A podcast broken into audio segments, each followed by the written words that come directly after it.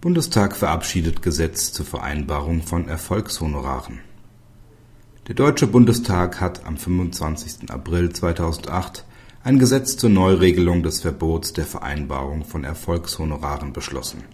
Danach können künftig Rechtsanwalt und Mandant eine erfolgsabhängige Vergütung im Einzelfall vereinbaren, wenn der Rechtssuchende ohne diese Möglichkeit davon absehen würde, den Rechtsweg zu beschreiten mit dem Gesetz eröffnen wir neue Gestaltungsmöglichkeiten bei der Vereinbarung der Vergütung zwischen Anwalt und Mandant. Gute Rechtsberatung hat nicht ohne Grund ihren Preis.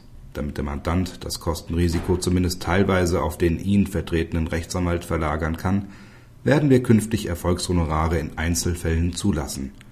Dadurch vermeiden wir, dass Rechtssuchende wegen der hohen Kosten davon abgehalten werden, ihre Rechte geltend zu machen Gleichzeitig stellen wir das grundsätzliche Verbot von Erfolgshonoraren nicht in Frage.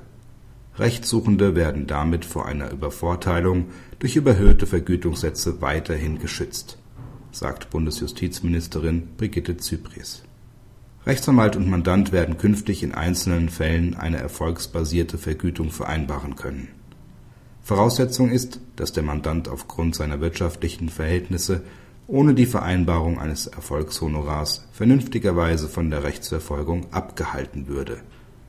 Ein solcher Fall kann etwa vorliegen, wenn eine Partei einen wertvollen, aber sehr unsicheren Wiedergutmachungsanspruch geltend machen will und die Anwaltskosten hierfür nicht aufbringen kann. Auch eine hohe, streitige Schmerzensgeldforderung kann für einen Geschädigten unter Umständen wirtschaftlich nur durchsetzbar sein, wenn er im Verlustfall nicht zusätzlich zu den Gerichtskosten und gegnerischen Anwaltskosten auch noch die eigenen Anwaltskosten zu tragen hat. Gleiches gilt, wenn ein mittelständischer Unternehmer vor der Frage steht, eine hohe Vergütungsforderung geltend zu machen, obwohl die Gegenseite Gewährleistungsrechte geltend macht und das Prozessrisiko erheblich ist. Ein Erfolgshonorar ist künftig nicht nur dann zulässig, wenn seine wirtschaftlichen Verhältnisse dem Rechtssuchenden gar keine Alternative lassen. Es kommt nicht allein auf die wirtschaftlichen Verhältnisse, sondern auch auf das Kostenrisiko und seine Bewertung an. Das neue Recht ermöglicht es den Vertragsparteien, mit der Vereinbarung eines Erfolgshonorars auf der Grundlage individueller und subjektiver Nutzen-Risikoerwägungen den Umständen der konkreten Rechtsangelegenheit Rechnung zu tragen.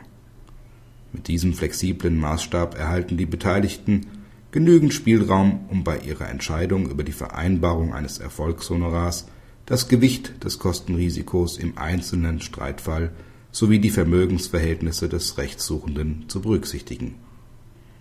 Die Neuregelung folgt einer Entscheidung des Bundesverfassungsgerichts vom 12.12.2006, wonach die Vereinbarung eines Erfolgshonorars jedenfalls möglich sein muss, wenn besondere Umstände in der Person des Mandanten vorliegen, die diesen ohne Erfolgshonorar davon abhalten, seine Rechte zu verfolgen die ausnahmsweise Zulassung der Vereinbarung von Erfolgshonoraren wird mit einer Reihe von Aufklärungs und Hinweispflichten zum Schutz der Rechtssuchenden verknüpft.